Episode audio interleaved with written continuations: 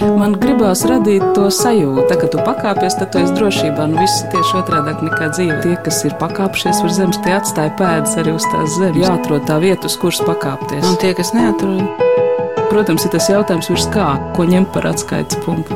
augstāk par zemi. Augstāk par zemi. Augstāk par zemi.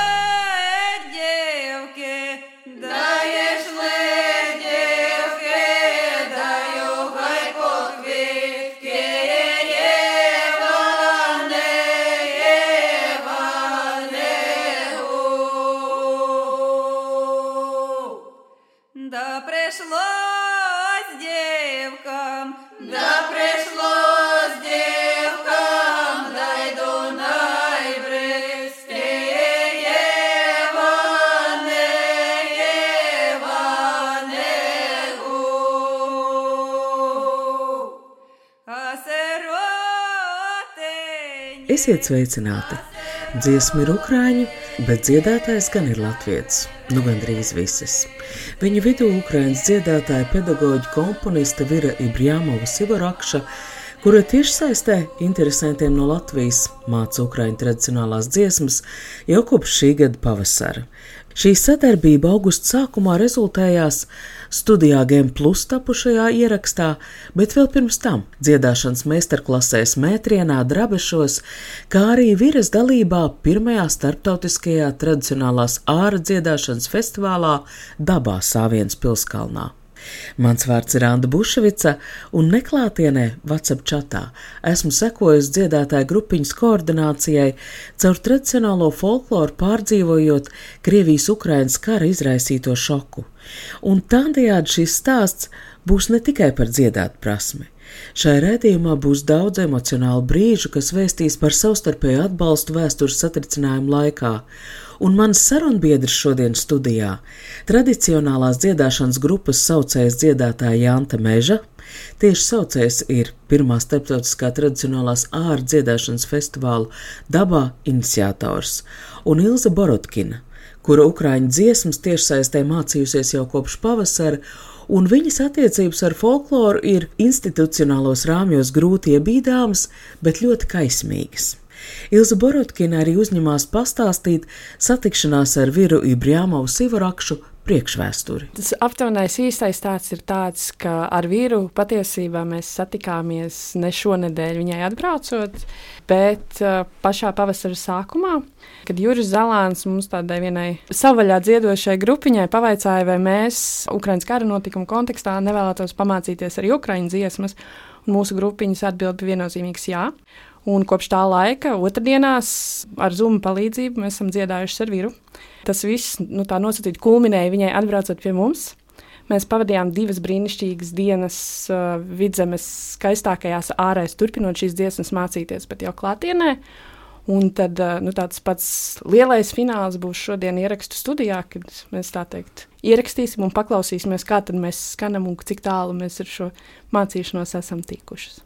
Bet ierakstu studija vairs nav ārs, jo ar vārdu savvaļa tu domāji diezgan burtiski. Grupiņa, kas dziedāja mežā. Šai grupiņai tas termins savvaļa ir uh, divējāds. Viens ir tas, ka mēs ļoti daudz esam tiešām dziedājuši ārā.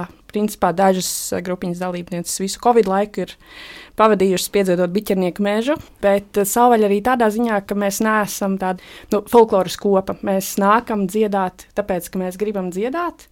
Un tas ir gandrīz vai ierakstīts nerakstītajos grupiņas noteikumos, ka mēs nevienā brīdī nedomājam par kaut kādiem koncertiem, skatēm. Mūsu mērķis ir dziedāt, nevis kaut kam gatavoties. Un Jānta, tev savukārt atrašanās ir diezgan loģiska.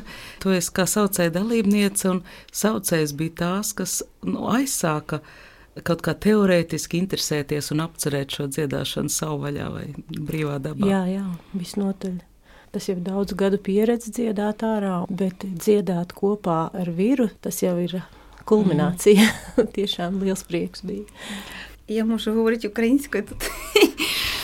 Kādā valodā runāsim, un valodas izvēle šai gadījumā ir principiāla. Sarunā uzzinu, ka Vira Ibrjāmova Sivarakša, lai varētu strādāt ar latvietēm, iemācījusies angļu valodu trīs mēnešu laikā, tieši tāpēc, ka nevēlējās vadīt meistarklases krieviski. Janta meža ir tā, kas ierosina, lai vīra runā ukrainiski, arī tāpēc, ka vīrus ukraiņu valoda ir ļoti skaista.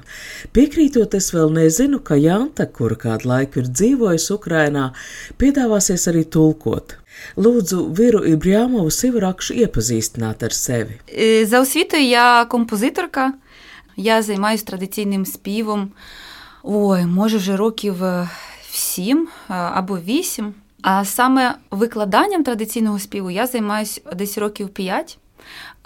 Коли після навчання е, я навчалася в, в Харкові, після навчання я повернулася в рідне місто в Чернігів, це північна частина України. Е, Я дуже хотіла співати і дуже хотіла поширювати традиційну українську культуру, але, на жаль, в моєму рідному місті нікого не було, хто співав би разом зі мною. І єдине, що мені прийшлось, це вчити інших людей співати. І я почала так викладати, і я зрозуміла, що це мені дуже подобається. Var sakot, viņa ir komponiste mācījusies. Es saprotu, vispirms Harkovā, pēc tam Černīgovā. Černīgovs ir viņas dzimtā pilsēta, un arī tas apgabals ir, kur viņa nu, ir dzīvojusi visu laiku, un arī tagad. Viņai ļoti patīk tradicionālā mūzika, visu laiku ir patikusi, un tad kaut kur ap 7, 8 gadu atpakaļ viņa saprata, nu tā. Ir tas laiks pienācis arī viņai vairāk tam pievērsties, bet tā kā viņa dzīvo Černīgovā, tas tomēr nav akurāti tāda vieta, kur ir ļoti daudz citi dziedātāji. Tad vienīgais veids bija tos dziedātājus kaut kādā veidā piesaistīt, respektīvi cilvēku, kuriem arī interesē tradicionālā muzika, dziedāšana, ir jāiemācās to darīt. Pēc sarunas Janta Meža piedāvājas virs teikto iztulkot precīzāk, vārdu vārdā. Šīs sekutīvais tulkojums varbūt arī nav tik precīzs, taču tajā brīnišķīgi man šķiet Jantas reakcija uz teikto, iejušanās runātāja sādā, un to nu es ne par ko šai raidījumā negribētu pazaudēt. Е, Наскільки це унікально і наскільки це природньо і комфортно для нас, бо це наша історія. Вони в такому захваті, і мені це ще більше подобається. От і я так е, почала викладати з того часу. І е, також вчилася в багатьох дуже викладачів українських, які викладають традиційний спів. Nu jā, un tad viņi sāka vienkāršus eh, dziedāt gribētājus bez eh, speciālās izglītības apmācīt. Es saprotu, ka viņi to jau dara kādus piecus gadus. Nu, diezgan daudz domā, kā to izdarīt, lai cilvēkiem būtu vieglāk iemācīties. Viņi ir izveidojuši pat savu mācīšanas sistēmu. До війни я створила. Це не організація, це як спільнота людей, співоча майстерня, де я проводила регулярні заняття з традиційного співу, і е, в цю спільноту могли долучитися самі звичайні люди. Kara viņai bija tāds tā kā, nu, interesanta grupa vai pulciņš, kuriem viņa mācīja nu, tieši kontaktā, nu, teiksim, atnākot uz kādām telpām un kopā mācoties. Pat, kad atnāca Covid, viņai bija ļoti grūti kaut kā iedomāties, kā šo tradicionālo dziedāšanu varētu mācīt caur nu, internetu, nu, piemēram, vai Zoomā vai kādā citā programmā. Ja? Un viņa tā kā visu laiku centās nu, nu, kaut kā savādāk izlocīties, bet nu, neizmantoja tās interneta iespējas. Tad uh, bija tā, ka viņai piezvanīja no Ļovas viņas draudzene Polīna, kura teica, nu, ka viņa ir eh, caur to Polīnu ir interesējušies latvieši. Par to, vai gadījumā varētu būt kāds eh, cilvēks, kurš mācītu online tradicionālo dziedāšanu. Tā acīm redzot, bija Daina ar Juriju, kuri bija nesen braukuši uz, uz Ļuvu un tur uh, iepazinušies ar to man nezināmo Polīnu. Sarunā jau vairāk kārt pieminēti kultūras menedžmenta centra lauska dibinātāji Daina un Juris Zalāni. Viņi pirms pandēmijas bija braukuši uz Ļvivu meklēt muziķus etnofestivālam Sviests. Daina pati ir viena no jau aprakstītās grupas dziedātājām. І мені було дуже страшно, думаю, як я буду в онлайні з латвійцями, не знаючи мови, викладати традиційний спів. О, це було дуже складно.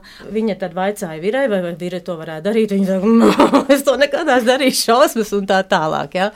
Bet, ā, kā viņa pati izteicās, nu, kad nedaudz par to padomāja, tad saprata īstenībā, kāpēc neizmantot šo te iespēju un vienkārši laust kaut kādus savus iekšējos stereotipus, ka es kaut ko nevaru. Es īstenībā daudz ko varu. Un viņa tā smuki pateica, nu, tas bija tā, kā tāds mazs zirnīte, tā kā tāda sēkliņa, kas iesēja man to domu, ka es varu. Viņa pakāpeniski sāka to darīt un saprata, ka jā, nu, tur ir jāizstrādā pavisam savādāk tā sistēma, bet īstenībā to var izdarīt. Un viņa tagad to dara ne tikai uh, latviešiem, bet arī, arī ukraiņiem. Viņa māca to caur internetu. І я думаю, ну раз люди за тисячу кілометрів хочуть це знати. Думаю, мені треба це спробувати і треба це робити. І я тоді так думаю, хух, все, починаємо. Tas bija reizes, kā nu, kara situācijā, kad vispār ir pilnīgs apjukums un tā tālāk. Pirmkārt, viņa ir ieguvusi, ka viņai ir iespēja strādāt. Otra lieta, vismaz to, ko viņa teica no latviešiem, viņa ir ieguvusi, ka vienmēr ir ļoti patīkams saņemt līdzjūtību un varbūt redzēt, ka citiem cilvēkiem arī sāp viņu problēmas saistībā ar karu. Bet vēl labāk, ka viņi redz, ka kultūra ir tas, kas mums ir tik ļoti svarīgi. Mēs gribam iedziļināties Ukraiņu kultūrā caur šo tradicionālo dziedāšanu, Ja? Un viņai personīgi tas dod vēl lielāku spēku nekā mūsu līdzjūtība. Es dzirdēju to frāzi, ja cilvēki aiz tūkstošiem kilometru vēlas dzirdēt Jā. ukraiņu folkloru. Jā. Nu, man liekas, ka kara pirmajās dienās tā bija arī Latvijā tā sajūta, ka viens no veidiem, kā pārvarēt to šoku, bija mācīties ukrāņu tautas dziesmas. Un es pat atceros, kā šī nenosakāmo robežu pulciņu dalībnieki, eh, nu, lai stiprinātu šo piketu pie Krievijas vēstniecības un lai vairot viņu skaitu, mēģinājums noturēja pie vēstniecības, vai ne? Tie bija tādi vairāk otrās pakāpes mēģinājumi, jo, protams, ka pirms tam bija tomēr kopīga pamācīšanās un satikšanās. Nu, jo, ja tu ej parādīt spēku, tad tu nedrīkst to darīt šaubīties. Un līdz ar to mēs tur mēs gājām, sagatavojušās tik labi, cik nu, tādā formātā labi var sagatavoties, bet uh, ar visu atdevi. Jo tie nav brīži, kad tu drīkst šaubīties par to, ko tu dari un kā to darīt. Tā Kā, tas drīzāk bija tāds iespējams vienīgais šīs grupiņas neformālais koncertu formāts. Krievijas Ukrainas kara laikā arī tradicionālā kultūra ir kāvis forma. Ilza Borotkina pastāsta, ka rakņājoties internetā, jau kara pirmajās dienās esot atradusi savādus folkloras ierakstus. Це якраз коли почалась війна, в фольклорному середовищі була така е, хвиля, це якраз в березні, да. коли брав традиційну пісню. Ну, це була весна, і тому ми зачастую тоді брали веснянки, весняні пісні, і змінювали текст. І текст був про, про нашу ситуацію. Це був такий своєрідний флешмоб в Фейсбуці, коли різні гурти. Virēja трансформували Brjāmova текст. Sivarakš saka, ka tas ir bijis kas līdzīgs flashmob Facebookā. Kara sākums bija pavasarī, tāpēc arī melodijas tika izvēlētas enerģijas pilnās pavasara saukšanas dziesmas, taču to teksti tapa jauni, tāda, kas sasaucās ar tā brīža situāciju. Es uzdūros, nu, pat ne Facebookā, bet uh, tas jau bija kaut kādā YouTube, kaut kā, jo YouTube arī parāda lietas. Jā, tā tur YouTube bija tieši. video, kur, nu, apmēram mūsu bārds etnogrāfiskais ansamblis, bet, nu, ukraiņu dāmas, protams, viņas sēž kā jebkurā normālā video, tur, kur viņas, nu, sēž un dzied. Ir mēs polifonijas projektu video, vienkārši sēž piecas stundas un dzied. Kamēr tu neklausies vārdus, nu, normāli ukraiņu dziesma, ieklausies vārdus, tur pilns ar bairaktariem un orkiem. Nu, man liekas, tas vēl viens signāls, cik dzīva un neiekonservēta tā tradīcija ir, jo, man liekas, atļauties šādus gājienus var tikai tad, ja tu esi pārliecināts par to tradīcijas spēku, un tad tur viss ir skaidrs.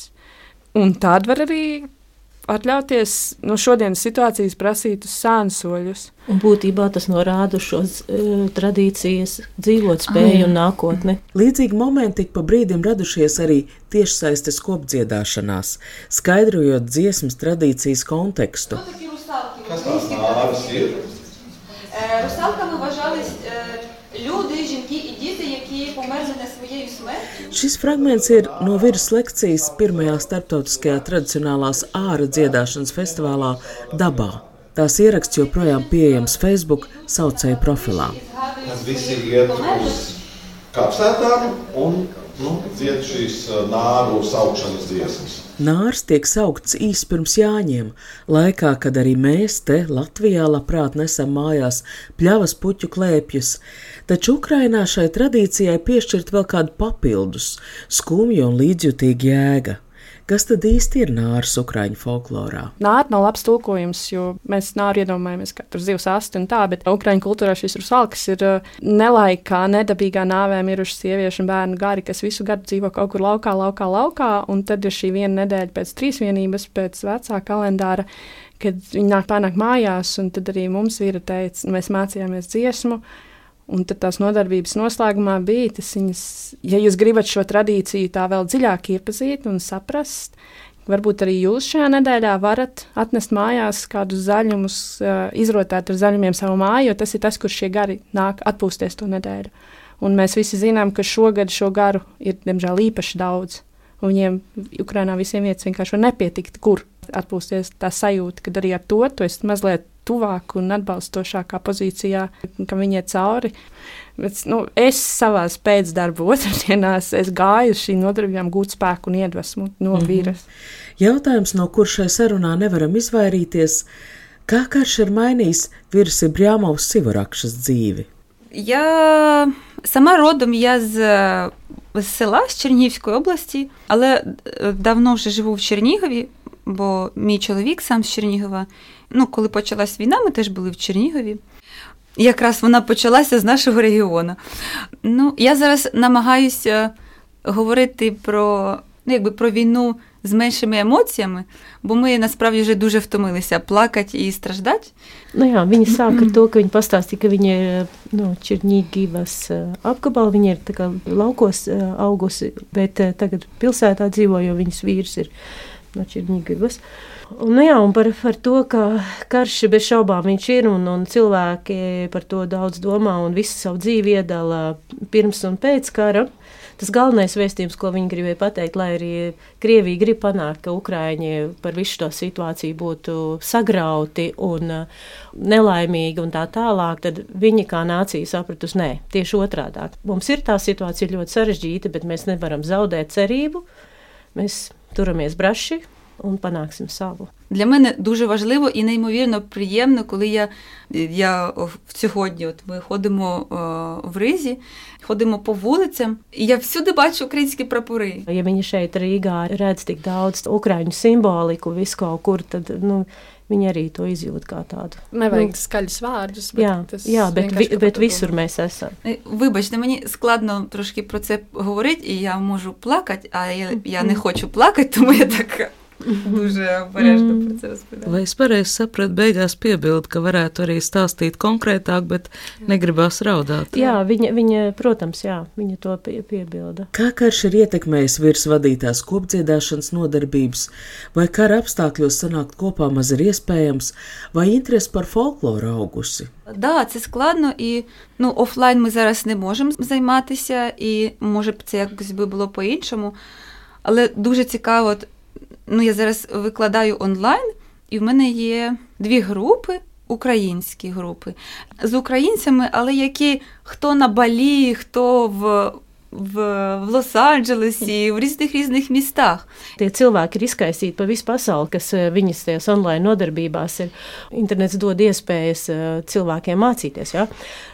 Bet par vienu to kundzi viņa interesanti stāstīja tā, ka viņa, es sapratu, ka ir uh, īsta ukrainiete, bet daudzus gadus jau dzīvo Losandželosā. Bet uh, tad, kad viņa dzīvoja Ukrainā, viņas saziņas valoda bija krievu valoda.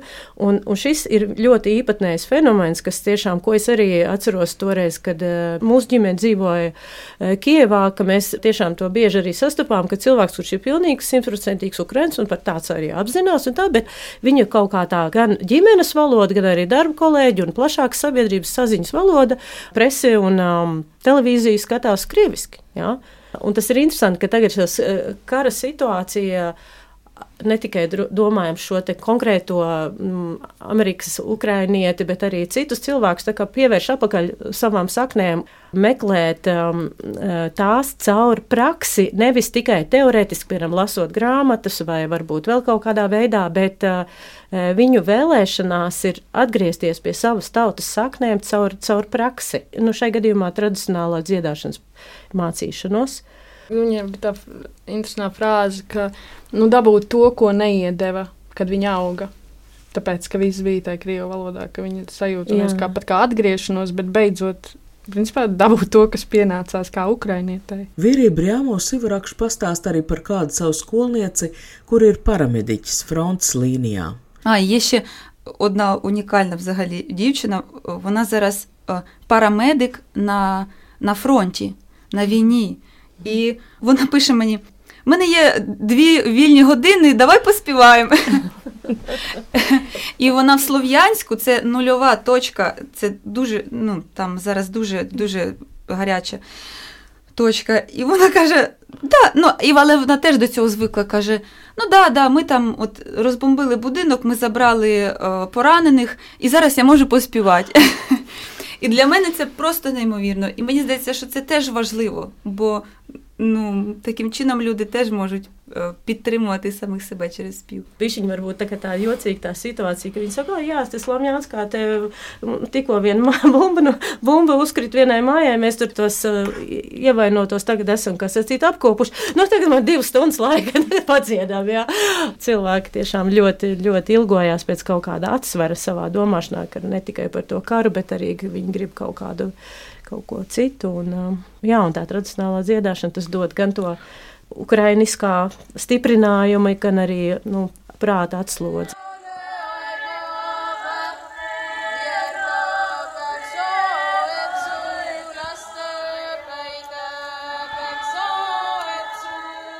Ierakstu Facebook, kas atrodam jau pieminētajā saucēja profilā, ļauj kaut vai tikai ielūkoties, kā tad notika koncerts Sāvienas pilskalnā Madonas novada ļaudonas pagastā. Pirmajā starptautiskajā tradicionālās ārā dziedāšanas festivālā dabā sadziedājās ne tikai latvieši un ukrāņi, arī igauņi, lietuvieši, Tā ir jādala, jo vīrusu nedēļa dalās trijās daļās. Mm -hmm. Ir pirmā daļa, kur bija tiešām darbnīca šai tikai grupiņai, un tur šī līdzības uh, aizgāja līdz tādam līmenim, ka mēs konstatējot, ka ir vīra dziedā ukraiņu dziesmu, latviešu dziesmu ukrainiski, mēs tikām tik tālu, ka mēs pierlasot dainu tekstus varējām dziedāt arī ukraiņu dziesmas. Kā bija īpaši sajaukšana. talantīga, tam viņa Jā. vienmēr kaut ko tur varēja uztaisīt, kaut kādu salikumu ukraiņu uh, Es- tad- mūzika un latviešu Tie teksti. nebija salikumi, tie bija ļoti konkrēti latviešu tradicionālās Nu, mūzikas gājieni. Ukrainas. Ukrainas dziesmās, kur tu vienkārši dzirdi, tu saproti, ka tajā dziesmā ir kaut kas tik ļoti pazīstams, tad tu pasēdi un padomā, un tad tu saproti, ka patiesībā tas ir toļu dzēvumu un mēlā tikai no otra gala.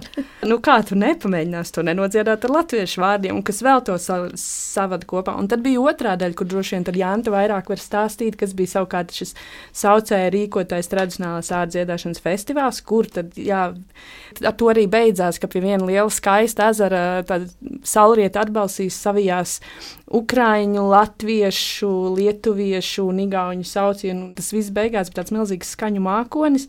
Lūk, katrai no šīm četrām tautām bija kaut kas, tas, ko pie šī ezera ar definīciju šeit lūdz individuālos un ganu dziedājumus, bija ko atnest. Na, zākaģi, mēna miežē, mēna miežē.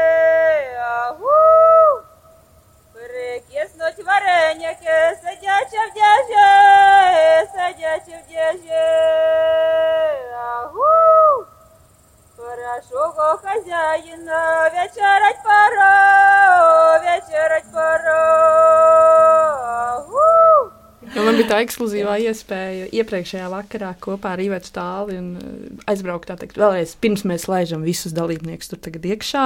Nu, lai vismaz Sāvienas būtu pilskalnā, Jā, jā. uz to Sāvienas pilskalnu. tā ir mēs- īpaša vieta, Oi, cik es zinu. Par to mēs varam parunāt kuru tu atsevišķi. pat esi svētceļojumā kājām Par- gājusi. Ne tikai.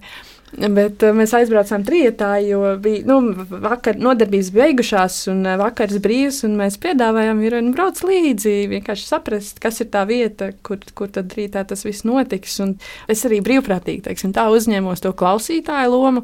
Tas bija absolūti idyllisks brīdis. Es sēdēju savā mīļākajā turienes saulrietu vērošanas vietā, un priekšā riet saule, mežs ir pilns ar šo saulrietu zelta sārtos, absolūti skaistu silto gaismu.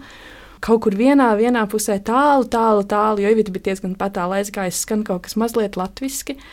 Un tad otrā pusē atskan nu, tā, nu, tā sajūta, bija tiešām kā izdzirdēt laumiņu, bet to mazo, labo, skaisto laumiņu mežā, jo vīra tajā brīdī dziedāja. mm, Tas ir ton, tončik, vai ne? Bija the, the sounds, the, the, the very soft sound. Jā, You- zlieki, jā. jā. Tončik, tā kā, tādā ļoti maigā, maigā, dziļā, absolūti skaistā balsī viņa vienkārši tur dziedāja. О лісу, мій лісу, о лісу, наш лісу, так тихо сто, їрчу, так тихо стоїш. Чом пташки не щебечуть, чом пташки не щебечуть, зозулейка неку, є зозулейка неку. всі пташки вирій пошли, всі пташки вирій пошли, тільки одна я сталась, ся тільки одна я сталась. Та й та я полетіла б, та й та я полетіла б, та й крилечкою одбила, та й крилечкою одбила. Starptautiskais tradicionālās ārdziedāšanas festivāls dabā šogad notika pirmo reizi, un festivāla mērķis bija aicināt pievērst uzmanību vietas, kurā tautas dziesma tradicionāli tikus dziedāta, akustikai. Jautāja Virai, vai viņu interesē šī tēma, un iesākumā viņa lūdza jautājumu izskaidrot. Ilza Borotkina ātri pārstāsta tēmā apspriestos galvenos problēmu punktus. Proti, ka mūsdienās folklora lielākoties tiek izpildīta uz skatuves, un reizēm klausītājiem pat rodas jautājums, vai tautas dziesmas nozīmē Why, kliekšanu. why all the people think folklore means shouting? Because it is shouting, it's just sang in the wrong place. Jā, tradicionālā dziedāšana ir arī kliekšana, bet tās niansēs iespējams iedziļināties tikai tad, ja tu dziedi pareizajā vietā, kur šī dziesma tradicionāli ir dziedāta. Мене тоді дуже вразила ця акустика, бо в Чернігові вдома ми теж співали в лісі, але, чесно кажучи, е, я ніколи не придавала стільки цьому значення, як звук може звучати в просторі. Ми просто співали в лісі або в полі, ну якось не заглиблювалися в цей звук. Par to Sāvienas pilskalnu viņa Ilzīte jau par to minēja to vakaru, kad, kad tu biji kā klausītāja un Iveta un, un Vira bija dziedātājs. Viņi katra savā pusītē dziedāja un, un izbaudīja to akustiku.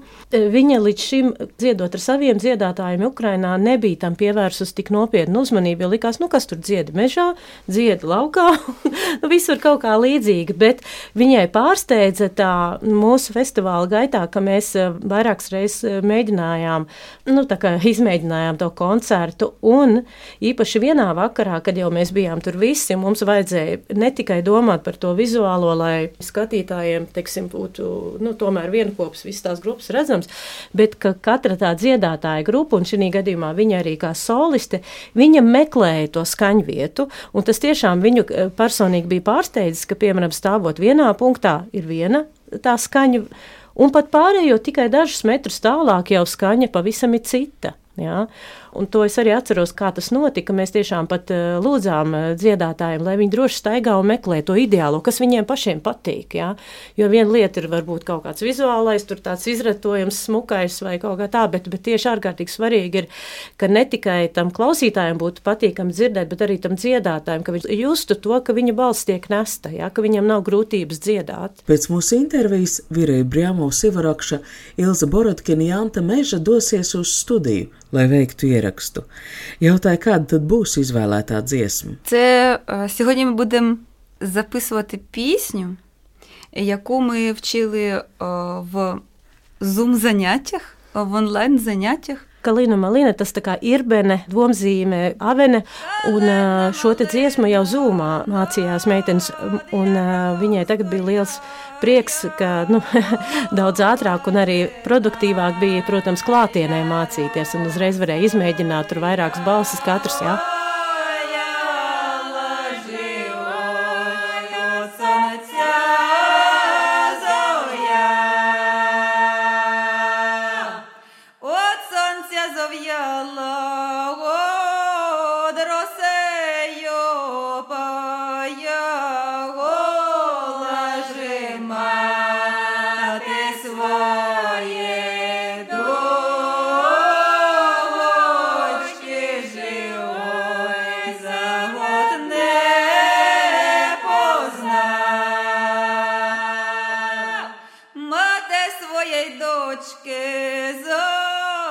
Kāds būs šīs kopdziedāšanas tālākais liktenis? Un es cieši ticu, ka savu sieviešu maģiju, ukrāņu folkloras prasmi dziedātājs liks lietā protesta akcijās vai 24. augustā Ukraiņas neatkarības dienā apsveicot Rīgā mītošos ukrāņus. No jums atvadās šī redzējuma veidotājs. Ar jums sarunājās Anna Bušvica, par skaņu gādāja Nora Mitspapa.